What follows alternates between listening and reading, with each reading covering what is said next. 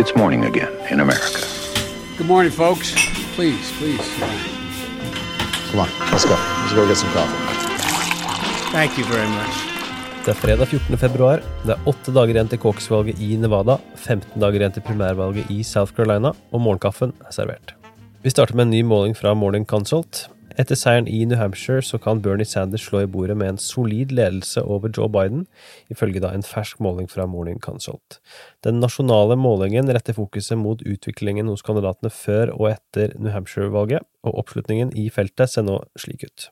Bernie Sanders på 29% opp 4, Joe Biden på 19, tilbake 3, Mike Bloomberg på 18, opp 1, Buttigieg på 11, Warren på 10, tilbake 1, og Klobuchar på 5, opp 2.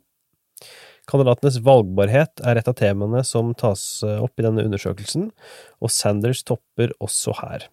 På spørsmålet om hvilken kandidat som har størst mulighet mot Trump, skårer Bernie 29% Det er 6 prosentpoeng opp i perioden fra etter Iowa til etter New Hampshire. Bloomberg gjør også et solid byks her, han beveger seg fra 18% til 25% i samme periode. For Joe Biden så er det derimot blodrøde tall. Den tidligere visepresidenten har falt hele 12 prosentpoeng, fra 29 til 17. Videre kommer det frem at svarte velgere nå har begynt å se til andre kandidater enn Joe Biden. I kampen mot Trump så har Bidens støtte hos svarte velgere falt til 21% 10 prosentpoengs tilbakegang, mens Sanders og Bloomberg har økt støtten hos denne velgergruppen. Og nå støyer til henholdsvis 32% opp 9 og 21 opp 7. Overdoses are surging and meth overdoses in Nevada. Nevada. And you know what I said? You know what I said?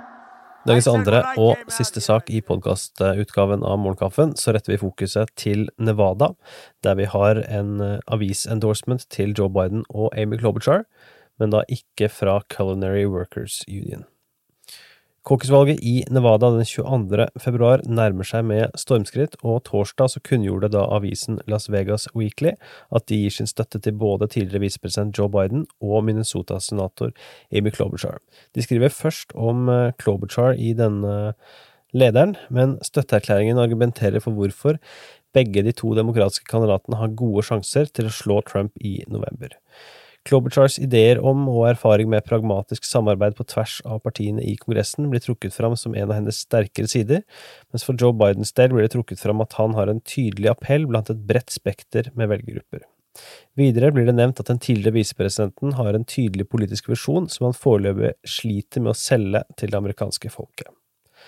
Enda viktigere enn det her eh, er jo da at Nevadas mektige Culinary Workers Union, en fagforening med over 60 000 medlemmer som jobber i restaurant og på hoteller og kasino i Las Vegas og Reno, har valgt å avstå fra å komme med en støtteerklæring.